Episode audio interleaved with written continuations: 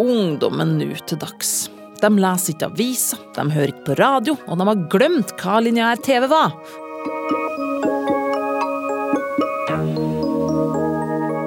Æsj, var nå allting så mye bedre før? Ja ja, hva om ungdommen sjekker nyheter istedenfor at de leser nyheter? Er det et problem?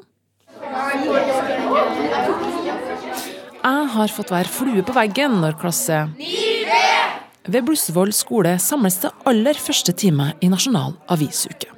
Ungdomsskoleklassen summer akkurat som en forsamling tenåringer skal gjøre, før kontaktlærer og både samfunnsfag og norsklærer Karin Østborg får roa på plass til ukas første time. Kanskje litt enklere for hun enn andre lærere, siden de bruker mikrofon i klasserommet. Riktig god morgen. Og så var det litt eh, fint at du nevnte pressen og avis, fordi at eh, akkurat denne uka her, det er en litt spesiell uke. Det er en, eh, rett og slett en nasjonal avisuke, si, hvor vi skal ha litt fokus på det med avis som medium. Men nyheter, det vet jo dere at vi finner mange andre plasser enn i avis òg. Klassen på rundt 30 elever utgjør en liten brøkdel av de 62 000 fjerde, sjette og niendetrinnselever som denne uka har hatt nasjonal avisuke på sin skole. Nasjonal avisuke er arbeidet til Avis i skolen, som akkurat har skifta navn til Mediekompasset. Arbeidet har eksistert i 47 år, og er et tilbud til skolene på vegne av norsk presse og i regi av Mediebedriftenes Landsforening, også kjent som MBL. Jeg spør prosjektleder Veslemøy Rystad om hvorfor MBL bruker ganske mye tid og ressurser på dette arbeidet. I formålsparagrafen til eh, MBL så står det at vi skal bidra til å styrke og verne ytringsfriheten som grunnleggende verdier i et demokratisk og åpent samfunn. Og så skal vi styrke de publisistiske verdiene som følger av redaktørplakaten. Og da er det jo slett ikke unaturlig å bidra inn i norsk grunnskole.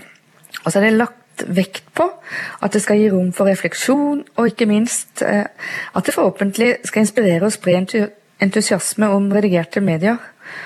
Så har vi jo eh, flere eh, opplegg for skolen enn akkurat Nasjonal avisuke.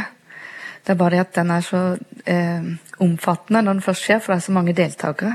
For omfanget er stort. Nasjonal avisuke har eksistert i 20 år, og i år er det over 1000 skoler som er med på opplegget, der de får opptil flere nasjonale, regionale og ikke minst lokale aviser hver dag, pluss arbeidsoppgaver og opplegg knytta til dem. Norge er jo kjent som et aviselskende land. Er dette et særnorsk konsept? Jeg vet ikke om det er akkurat det særnorsk. Eh, for, altså Mediebransjen over hele verden er jo opptatt av å engasjere unge. Men akkurat nasjonal avisuke det er det ikke så mange som gjennomfører lenger. Jeg vet at det gjør at danskene gjør det.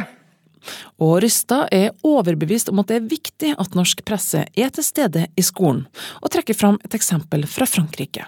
Eh, hvis du eh, husker tilbake da skuddene falt etter Charlie Hebdo, så var eh, alle presseorganisasjonene i eh, Paris uka etter. Og hadde masse møter. Jeg tror til og med de var med på den ene bisettelsen. Og unisont så fikk de en sånn tilbakemelding eh, fra franske organisasjoner, eh, presseorganisasjoner og, og medieorganisasjoner, som eh, alle sa at eh, de burde ha vært flinkere inn i skolen. Kanskje hadde de eh, svikta med sin fortelling inn i skolen. Her er det en stor overskrift eh, midt på sida på dagens avis. Spår likevel gullrush de neste årene. Tilbake på Blussevoll skole står kontaktlærer Karin der med mandagens utgave av Adresseavisa i handa. Hun syns absolutt at papiravisa er å foretrekke, sjøl om jeg lurer på om kanskje ikke det oppleves litt gammeldags? Ja, eh, det gjør det. men jeg tenker at eh, de ungdommene her, de lever livet sitt på skjerm så mange timer i døgnet at det å også se på alternative kilder, det tror jeg ikke er så dumt. Jeg har lest en eller annen gang at eh, forskere som har forska litt bare her, har funnet ut at ungdom faktisk tar til seg ting lettere når de leser på papir, enn når de leser på skjerm. Um, og som jeg sa i stad, flere av elevene uttrykker jo akkurat det. At de syns at det er lettere å sitte med avisa foran seg enn å sitte på skjermen hele tida, når de skal finlese og gå i dybden på ting. Så jeg syns at det å jobbe med media på papir, tror jeg kan være både sunt og verdifullt. Mm. Og du har gjennomført det her flere ganger, sånn har forstått det? Ja. Mm. Og da må jeg spørre, Hvordan har responsen vært fra elevene etter en sånn uke? Eh, flere opplever blir jo mer engasjert i faktisk utenrikspolitikk. Eh, fordi at de ser at her er det spennende ting, og de kan følge en sak fra dag til dag. Og ser at det er noen saker som går igjen. Og ved å bruke avisene så grundig som vi gjør, da, så vil de jo få mye bakgrunnsinformasjon òg. Så, så dem som bruker den for det det er verdt, skal jeg si, de sitter igjen med veldig mye kunnskap etter ei sånn uke. Eh, jeg tror de opplever det som eh, en fin ting, for avisa har du foran deg. Du kan sitte og bla litt fram og tilbake, vi kan bruke den på mange måter. Så inntrykket mitt er at de liker det. Undervisningsbolken er over, og ungdommen sitter verken og scroller eller toucher, men blar i ei god gammeldags papiravis. Jeg tar en liten prat med Fredrik Schmidt Bjørge, og hører litt om hans forhold til nyheter og aviser når det ikke er nasjonal avisuke. Litt sånn i helgene, hvis det ligger noe avis da, på kjøkkenet, så tar jeg gjerne og leser litt igjen, da. Men ikke så mye. Enn mobilen da, og nettet, eh, sjekker du nyheter der, eller bruker du det til andre ting? Mm, nei, jeg sjekker ikke nyheter på mobilen. Men radio eller TV, eh, bruker du det til nyheter, eller er det Jeg ser jo noen ganger på Dagsrevyen, da. Og så hører jeg litt på radio men da er det mer musikk, da, og ikke så mye nyheter.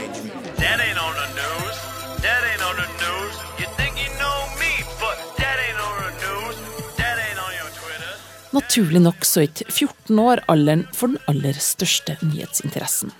Når man er i ungdomsskolen, så skal det handle om venner og skole, og, og om den du liker, liker deg òg.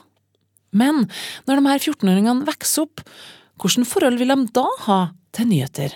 Men det er jo det som er den store spenninga nå, om det vil fortsette sånn at når man eh, etablerer seg og blir mer voksen, at man vil eh, få fortsette de nyhetsvanene vi hadde tidligere. Og den som venter i spenning, er medieforsker Hanne Hestvik Kleiven. I dag førsteamanuensis i samfunnsfag ved Dronning Mauds Minnes høgskole, men tidligere seniorforsker og en av to som sto bak rapporten Bruksmangfold en analyse av nordmenns nyhetskonsum, som ble levert Mediemangfoldsutvalget i 2016. Der fant de blant annet at blant nyhetsunnvikerne, dem som viser liten interesse for såkalte harde nyheter, var det én gruppe som skilte seg ut. 10% av befolkninga kan vi kalle nyhetsunnvikere, men i ungdomsgruppa er det ca. 25% som er nyhetsunnvikere, og det er jo et ganske høyt tall. Eh, men det er jo store variasjoner innenfor ungdomsgrupper, og det er farlig å si at eh, ungdom eh, er sånn og sånn, for det er jo store variasjoner. Noen leser mye nyheter, noen leser lite, som ellers i befolkninga. Men, men, en fjerdedel nesten oppgir at de er veldig lite interessert i nyheter. Og eh, unge jenter følger litt mindre med enn gutter. Eller unge menn, unge kvinner. I denne undersøkelsen så er unge definert til dem mellom 18 til 25 år. En tid som også er full av hormoner, studier, forflytninger og generelt ofte mye som skjer i ens liv. Men jeg spør Hestvik Kleiven om hun tror at denne prosentandelen nyhetsunnvikere vil synke når de her unge blir voksen og etablert, eller om det er en ny trend med utspring i den nye medievirkeligheten. Det som um man har sett tidligere, er jo at hvis du har med deg gode nyhetsvaner hjemmefra, så er det større sjanse for at du også tar de med inn i ditt eget voksenliv. Eh, har du vokst opp med å høre på radio på morgenen, lest avisen, eh, sett eh, nyheter på kveldstid på TV, så, så gjør du det òg som voksen. Eh, nå har jo òg medievanene til voksne endra seg, sånn at eh, nyhetskonsumet er mer eh, usynlig man sjekker smarttelefonen i ny og ne. Eh, men det blir ikke synlig at det er en vane, at det er et ritual i hverdagen din at nå setter jeg ned og eh, tar inn nyheter. Eh, så vi har fått fått en annen måte å konsumere nyheter på for hele familien. Og det blir jo interessant å se hvordan vil de unge da framover videreføre de Eller de har ikke de rutinene som, som noen generasjoner før oss hadde.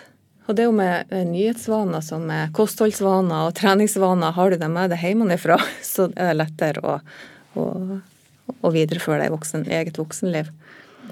Så det er mye med vaner, og hvordan organiserer vi nyhetskonsumet i hverdagen vår? Hvordan tid setter vi av til akkurat det? Ehm, eh, vi vet at det er bra for oss, eh, men hvordan organiserer vi det? Og den organiseringa smuldrer opp fra det tradisjonelle. Og det, nå er vi i et nytt medielandskap der det stort sett er smarttelefon vi konsumerer nyhetene på. Vi alle bør kanskje reflektere over hvordan vi konsumerer nyheter. Om eh, det er sånn at eh, det å sjekke nyheter ti ganger om dagen kjapt på smarttelefon er eh, det som er beste, den beste måten å konsumere nyheter på? Eller var det kanskje å sette et kvarter, en halvtime og gå litt inn i noen eh, av hovedsakene den dagen? Så eh, det er jo en tendens til at vi monitorerer eh, nyhetsbildet gjennom denne stadige sjekkinga på titler og overskrifter. Så vi har med oss en sånn her eh, veldig eh, tynn overflatekunnskap om nyhetsbildet dag for dag. Det ligger i begrepet. Vi sjekker ikke nyhetene. Men ser vi dem, hører vi dem, leser vi dem ferdig? For et annet område der ungdommen ikke scorer så høyt ifølge denne undersøkelsen, er dybdekonsum. Så det dybdekonsumet ser vi jo at uh, unge har mye mindre av enn uh, mer voksne nyhetskonsumenter. Det kan være mange årsaker til det, men uh, vi ser jo at unge i dag har et mye større tilbud av underholdning Eh, enn vi har hatt tidligere. Og det er veldig fristende å se tre episoder av favorittserien inn på Netflix, istedenfor å eh, gå inn og lese en kronikk eller lese eh, alle artiklene i, avisen den ene dagen. Så at nyhetskonsumet konkurrerer mye mer med underholdningskonsumet enn det har gjort tidligere. Ungdom er jo den første generasjonen som har starta med å konsumere nyheter på smarttelefon. Og der eh, er det den kjappe måten man gjør det på. Eh, I forhold til eh, oss digitale innvandrere, eller gamliser, som har vært vant til å lese en hel avis eller sett hele nyhetssendinger, sett hele debattprogram, som ikke kunne bare spøle over eller velge et annet program på en strømmetjeneste. Så de har jo et helt annet utgangspunkt for å, å skulle utvikle et dybdekonsum. Mens vi før kunne se på nyhetskonsum som eh, at du fikk servert dagens rett av en redaktør. Dagens middag fikk du servert, og du tok det du som ble servert. Så har vi i dag en gigantisk nyhetsbuffé som er døgnåpen og tilgjengelig gratis for alle. Eh, så det, du driver og småspiser litt hele tida. Men kanskje er det en fordel å holde seg til faste måltid, også når det gjelder nyhetskonsum. Men hva foreslår medieforskeren at mediene skal gjøre for å fange interessen til de her nyhetsunnvikerne? Det at eh, media kanskje i større grad eh, tilpasser eh, nyhetsinnholdet til den barne- og ungdomsgruppa, kan jo være et tiltak, da. Vi er jo vant til å få ting mer skreddersydd i dag enn tidligere. Før så var vi villige til å sitte og lese regionalavisen med nyheter fra hele regionen som kanskje ikke var så relevant for akkurat meg. Vi er vant til å få ting mer skreddersydd i dag, og særlig barn og ungdomsgrupper er jo vant til det. Så, så det kan være et tiltak. Men òg det å, kanskje som eh, VG nå gjør med den appen, at man utvikler fortellerspråket mer med den digitale teknologien. F.eks. kan man bruke mer animasjoner for å forklare en politisk saksgang, f.eks., som kan være vanskelig å skjønne i ren, beskrevet i ren tekst. Så man har fortsatt mange muligheter med å eksperimentere eh, med måten man forteller nyheter på digitalt. Eh, og det er nok et potensial jeg vil se kan eh, bli tatt mer ut framover. For det, det, er mange måter å fortelle en historie på. Og, en, og det, har, det har ingenting med kvalitet å gjøre. Men man kan òg eh, gå i fella med å lage nyheter om til underholdning for å klare å lokke til seg ungdommen. Og da tror jeg er feil vei å gå. Det skal ikke være nok å få en nyhetssak servert som en enkel snap.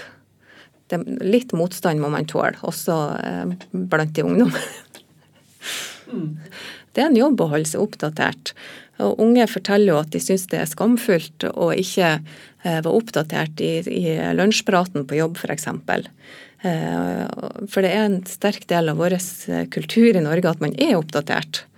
Og, og det er skamfullt å da oppleve at man, man ikke klarer å, å henge med. Men det er faktisk en jobb for å klare å henge med, og man må gjøre en innsats. Så jeg tenker at mm, norske mediehus må ikke være redd for å kreve noe av de unge. Her må han gå ut fra jobben sin for siste gang, mens folk står utenfor og klapper. Han her var nemlig en av ministerne, altså en av dem som har vært med på å bestemme i Catalonia. Og folkene som står på utsiden, klapper for å takke ham. NRKs Supernytt, BT og Aftenposten Junior har alle lyktes med å formidle nyheter til barn. P3 Nyheter er prisbelønt i sin nyhetsformidling til unge, men det som Hanne her og flere har nevnt, og som jeg leste om i Dagens Næringsliv nylig, er VGs nye app. Peil, som skal formidle nyheter på en visstnok ny måte, med nettopp 18 25 som hovedmålgruppe.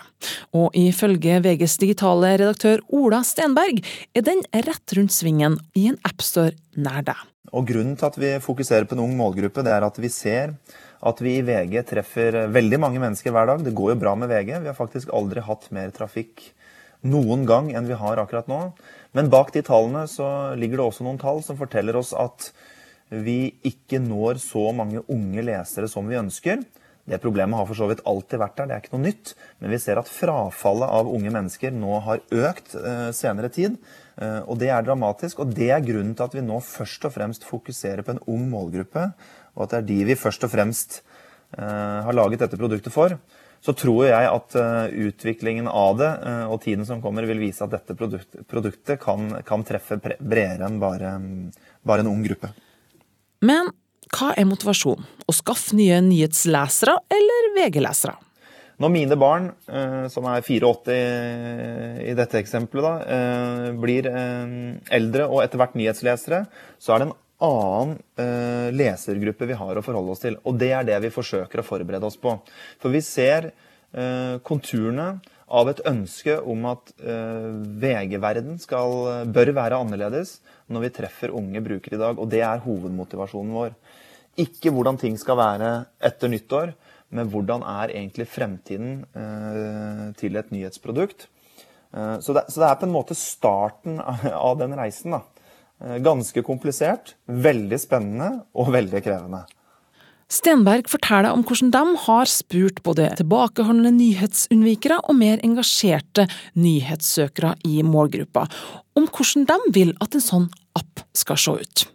Resultatet får vi snart se, men han kan avsløre at det blir langt mindre oppdateringer og langt færre saker enn vg.no er i dag. Nettopp etter ønske fra de unge sjøl.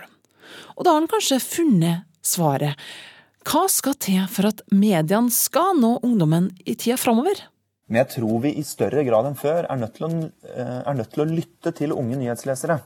Fordi eh, verden har gått fra å bli styrt av magefølelse, både i mediebransje og andre bransjer, til at vi er tvunget til å lytte til brukerne våre og lytte til den innsikten som kommer, og utvikle produktene våre i takt med den innsikten. Så det aller viktigste det er å lytte til de som er der ute, og ikke minst de som sier at dette bruker ikke jeg fordi det er ikke bra nok, og her er ønskene mine om hvordan eh, det skulle vært. Og nå er de spent på om Peil treffer blink og blir en av måtene norske unge konsumerer nyheter på i framtida. Eh, vi vet jo at unge mennesker i dag har vanvittig mange kanaler de forholder seg til. Eh, og det å ta plass blant alle de kanalene, det er krevende. Og vi veit at tid er et nøkkelord nå. Det å liksom bli en del av den tidskaka til si, både, både, unge og gamle, det blir, blir stadig mer krevende. Eh, fordi utvalget vi har foran oss, er enormt.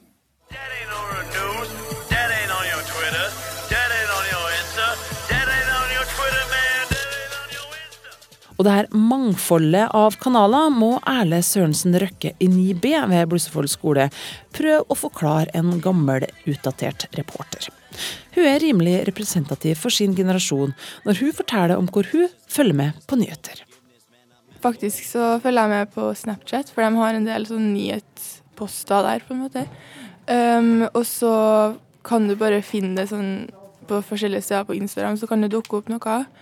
Uh, og så kan jeg høre om det av andre folk, og så kan jeg bare liksom se det på nett eller på YouTube eller uh, VG, da, hvis jeg leser den. Hvem er det du følger på Snap som driver med nyheter? Um, det er liksom selve Snapchat som har forskjellige uh, sånne nesten sånn miniaviser, sånn Daily Mail og sånn. Um, og da kan du bare liksom gå inn og så kan du lese forskjellige artikler, men det er jo mest Det kan være om sånne på en måte virkelige nyhetssaker, men det kan også være litt sånn mer på en måte gossip om kjendiser og sånt. Men det er også en del nyheter om liksom hva som har skjedd i det siste, da. Mm. Ja, Så du følger litt P3-nyheter eller VG eller noe sånt på Snap? Uh, nei, det gjør jeg ikke. Eller jeg tror det kan Hvis det er liksom en sak som er ganske viktig, som jeg har hørt mye om, så kan den komme på en måte som en av de uh, interessene jeg kan lese, da. Mm. Skjønner. Hva er det slags type nyheter, hvis du da sitter og leser eller følger med på nyheter, hva slags type nyheter er det du foretrekker? Um, jeg tror jeg følger veldig mye på sånn lokalnyheter som på en måte har med nærområdet og f.eks. sånn Rosenborg og sånn. Det er liksom det det går i, sport og litt sånn. Og så, um, så syns jeg også det er veldig spennende å høre om f.eks. kjendiser eller sånne ting. Kjendisstoff er mange av oss glad i, men medieforsker Kleiven er ikke nødvendigvis like begeistra. I en eh, masteroppgave på NTNU Eh, fra i vår så eh, var det en student av meg som gjorde en intervjuundersøkelse om nyhetskonsum til, hos unge voksne, som sier at eh, nyheter er grobrød og underholdning er kake. Og det er så enormt mye kake tilgjengelig, så hvorfor skal du velge grobrød? Altså, vi har en overflod av nyheter tilgjengelig Eh, på alle kanaler, i alle flater.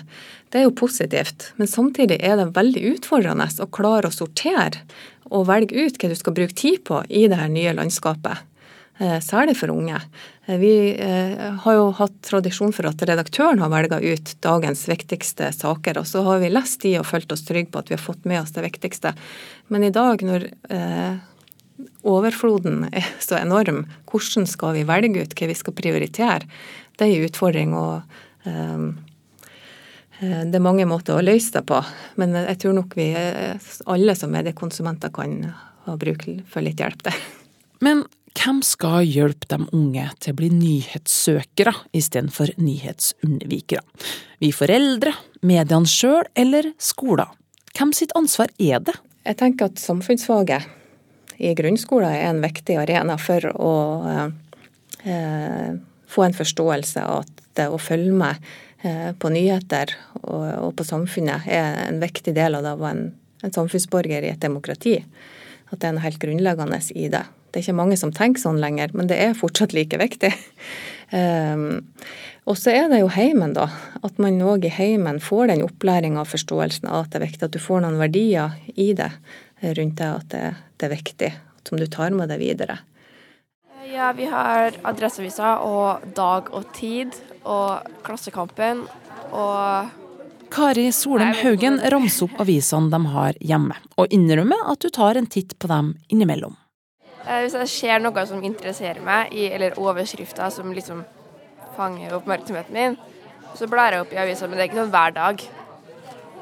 Men hvis det er noe spesielt som jeg liker, eller som jeg bryr meg om, så ser jeg på det. Hva tenker du om en sånn avisuke som dere skal i gang med nå? Eh, men jeg tror det er bra, for det er jo mange som ikke Det er mange unge som ikke holder på med å bry seg noe mye om nyhetene. Men det er jo nyheter for alle. Ja, tror du at du kommer til å lese mer eh, og følge med mer på nyheter etter en sånn uke? Eh, jeg vet jo ikke helt hva en sånn uke inneholder, men jeg håper jo det, på en måte. Jeg håper at det gjør noe Har, har noe liksom utfall etter en sånn uke. Når dette programmet sendes, så er Kari og resten av gjengen i 9B på Blussevoll skole ferdig med nasjonal avisuke. Og jeg spør kontaktlærer Østborg om hva hun tror utbyttet er for ungdommen, som hun ønsker skal bli oppdaterte nyhetsforbrukere. Nei, jeg tror eh, Som sagt, eh, de er bare 14 år. Og tenker jo tilbake på min egen. Jeg vet ikke hvor interessert jeg var i nyhetene sjøl da jeg var 14 år. Ikke så veldig, tror jeg. Nå hadde jo ikke jeg tilgang på så mye annet enn radio og TV og papiravis, men um, jeg tror at uh, de aller fleste får et fornuftig forhold til det her. Og jeg opplever jo at dagens ungdom har et egentlig ganske sunt forhold til det med sosiale medier og ting som omgir dem òg. De er veldig opptatt av det her presset som det har stått så mye om i avisene eller i media i det siste. Og de har veldig reflekterte og klare tanker rundt det. Altså. Så jeg tror at akkurat den generasjonen her tror jeg kommer til å ha et fornuftig forhold til ulike former for media. Og også være i stand til å holde seg orientert om det som både angår dem sjøl, og som de bør vite om ellers rundt omkring. da.